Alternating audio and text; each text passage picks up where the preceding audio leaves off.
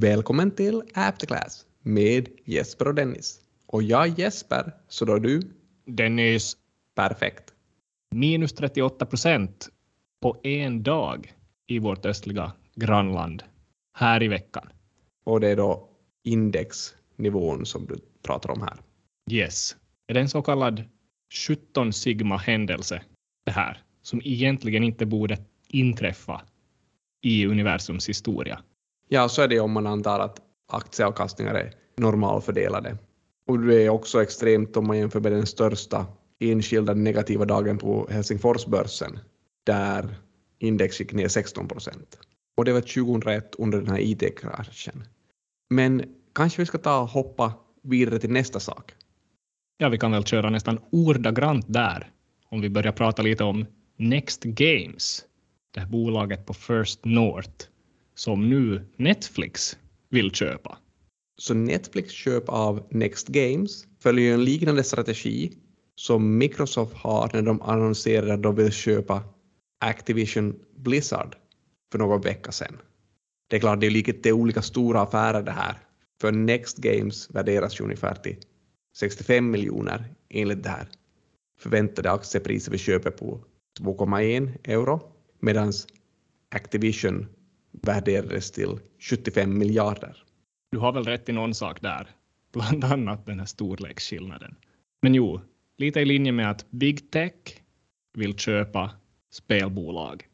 Det finns väl en ganska klar association mellan Next Games och Netflix sedan tidigare i och med att Next Games gör sån här Netflix-baserade spel också, eller spel baserade på Netflix-serier. Så det är lite logiskt på så sätt. Jag tycker mig nästan ha sett en början till den här affären i och med att Next Games skulle annonsera sitt eh, årsresultat 25 februari, tror jag det var. Sen sköt de upp den här resultatpresentationen till någon gång i mars. Så kanske där och då såg man vad som komma skulle, om man var som mig. Så du påstår att vi ska hålla utkik för förändringar i när resultatet kommer in för att på så sätt kunna identifiera positiva nyheter. Jag säger bara att det kan vara en indikation. Ja, för jag har ju lite en annan erfarenhet här. Jag minns ett bolag, Vardia, ett försäkringsbolag från Norge. Så det var också februari för många år sedan. Vardia berättade att de kommer att skjuta upp sin resultatpresentation, eller presentation av resultatet helt enkelt. Men den gången så hade det att göra med att det var några bokföringstekniska problem som egentligen då i slutändan ledde till en ny emission för Vardia och det här bolaget Vardia finns inte heller något mer. Alltså. Så det, kan ju, det betyder ju någonting, men man vet ju inte om det är positivt eller negativt kanske. Kanske jag måste ge dig rätt. Vi kan säga lite så här om Next Games, så att de börslistades väl 2017 till ett ganska högt pris per aktie, 7,90. Och nu enligt den här transaktionen som vi beskriver så skulle priset vara 2,10 som Netflix skulle vara villiga att betala. Här på sistone har priset pendlat kring en euro, men de facto var priset uppe i tre euro här i den här hysterin som fanns i början av 2021. Så det känns ju som en rätt bra timing av Netflix att slå till nu, för att man skulle väl troligtvis ha behövt betala ganska mycket mera lite tidigare under 2021. Ja, men det tror man ju. Och samtidigt så känns det när du berättar om de här talen 2090 och att det har kostat 3 euro, den här Next Games-aktien för inte allt så för länge sedan. Så man undrar ju hur många aktieägare det finns som verkligen är vinnare på den här situationen. Det är väl nog nästan så att de flesta kammar hem noll i avkastning. Hur som helst, om man skulle handla på den här informationen som jag berättar här, lite som man skulle insätta den här nyheten att man skjuter fram presentationen av räkenskaperna, då skulle man i alla fall sätta en kursreaktion på 100 procent. Ja, så det är skillnad på investerare och investerare.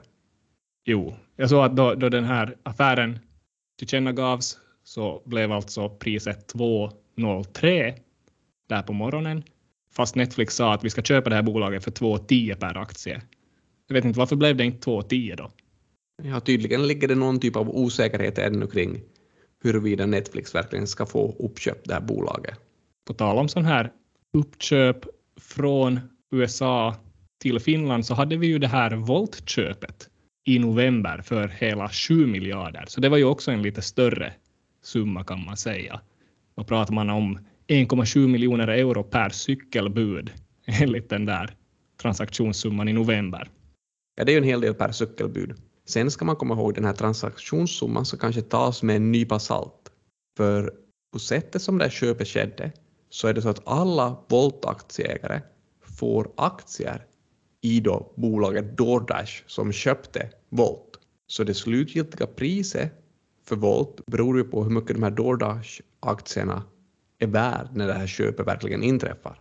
Och det ska väl realiseras nu på våren, vad jag har förstått. Så, så om det var 7 miljarder i november och priset lever enligt DoorDash aktiepris och också lite valutakursfluktuationer kanske, så kan man nu säga att vi har minus 60 procent på mätaren för tillfället. Så det är ju inte riktigt det där 7 miljarder längre. Är det nästan så att de här 7 miljarderna har blivit bara 2,5 miljarder? En snabb kalkyl skulle nästan ge, ge en sån situation. Så det här är förstås givet lite antaganden, men det kan hända att de här Volt-ägarna inte blev riktigt så rika som det först såg ut. Och här tror jag att jag skulle kunna komma in med lite av min erfarenhet från att köpa och sälja privata bolag. Så jag har lite tips och tricks. Då är vi idel öra att höra vad du har att säga. När det kommer till undervisning så vill man ju ofta undervisa via case. Så vi tar Case Friends and Burgers. Det låter gott. Och det här bolaget har till stor, blivit, till stor del blivit uppköpt av Noho Partners våren 2020. Och för oss minoritetsägare så visste vi att vi måste sälja aktierna, men vi fick egentligen val om vi ville då ta i kontanter, som var fallet med det här Next Games, eller om vi ville få aktier i Noho Partners. Precis på samma sätt som Voltägarna fick aktier i DoorDash. Och då var det så att om vi tog aktier så skulle jag fått Noho-aktierna värderade till ett pris på 10,60 och det här var baserat på januari 2020s medelkurs. Så det här är alltså pre-corona och vi har att göra med ett bolag som har restauranger och så vidare. Exakt. Och om man skulle bestämma det här hur man vill ha betalt i slutet på februari, mitten på februari var Nohos aktiepris 11,30 euro. Så det är ännu lite pre-corona. Ännu pre-corona. Och vad är det här valet man borde göra då? Så om priset har gått upp, kanske vi tar aktier då?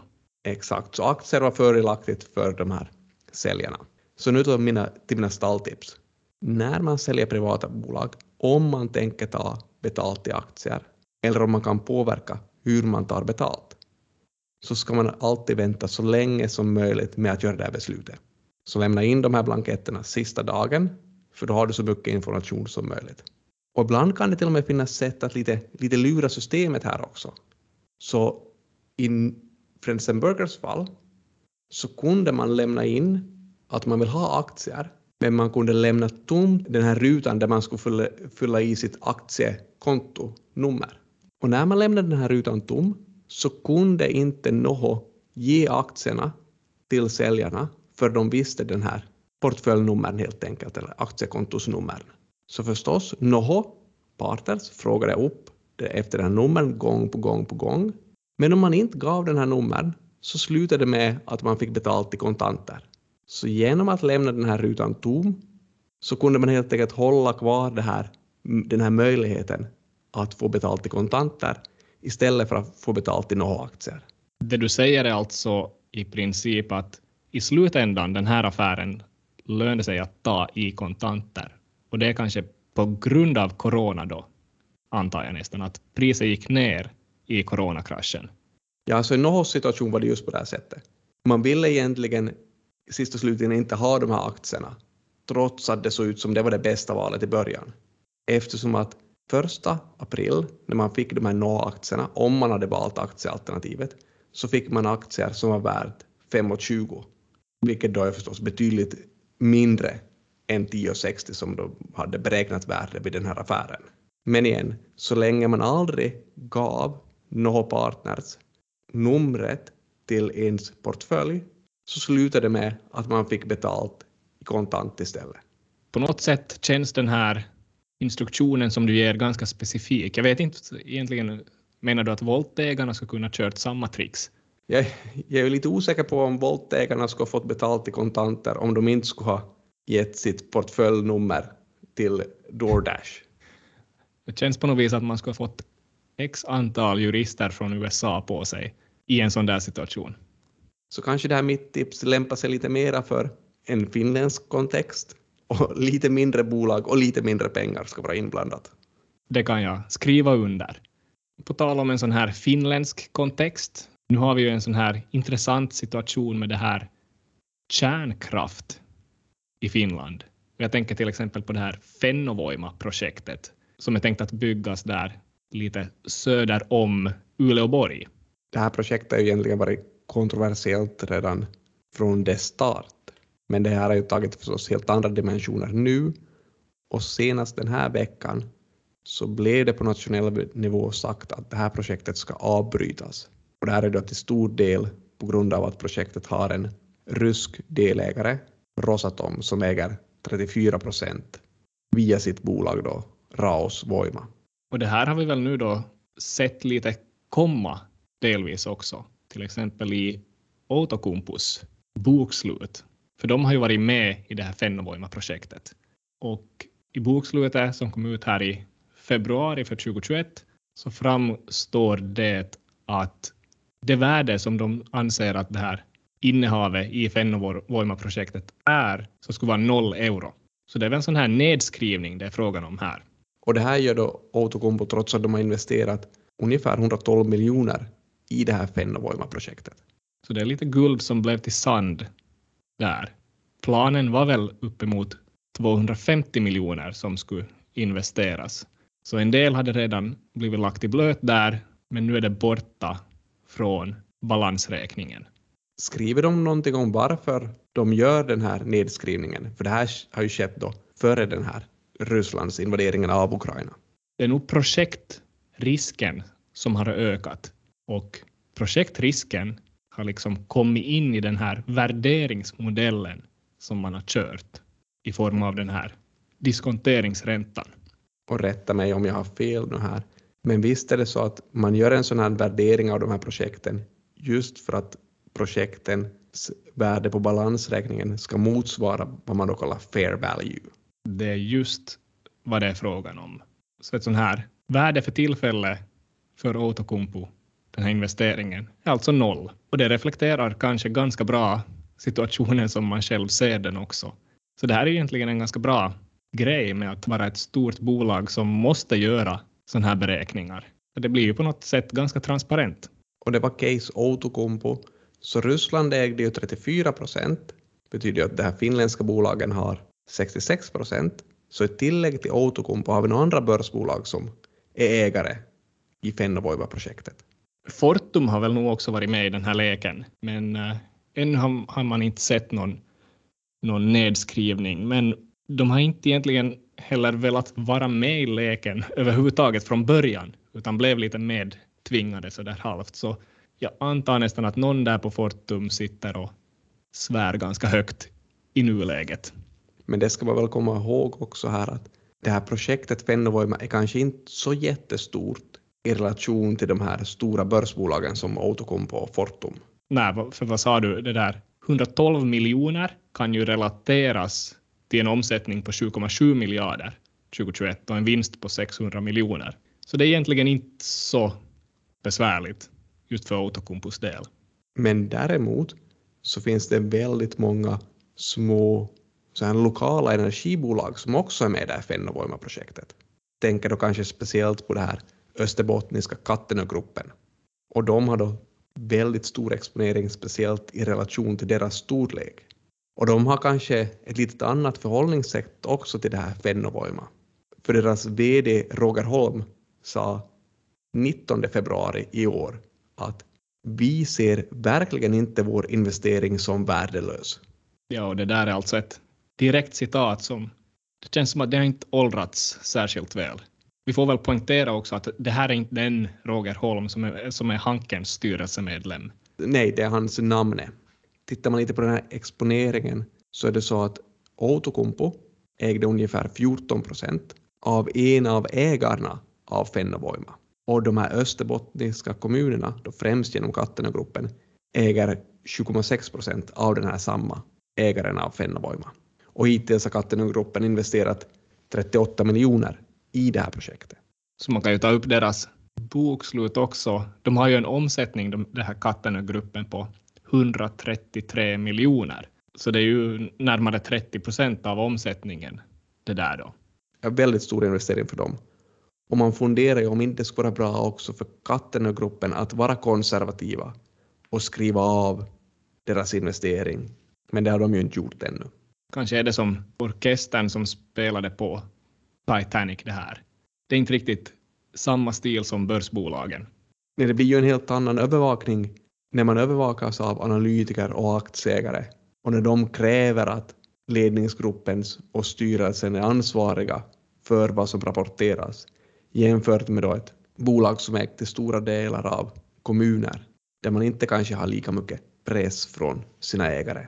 Ja, så man vet ju inte riktigt hur väl det här går i, ihop med katten och gruppens värderingar som de har och skriver väldigt fint om att det är tillförlitlighet och ärlighet. Ja, man brukar ju säga att ärlighet varar längst, men det verkar inte faktiskt vara helt i linje med det som Roger Holm står och säger. Hur som helst, Afterclass värderingar är ju lite ändå samma som Kattenös. Det är tillförlitligt och det är ärligt. Men samtidigt, vi måste väl poängtera att lyssna på oss är ju inte en värdelös investering. Så vi packar ihop här och fortsätter nästa vecka med nya insikter i After Class.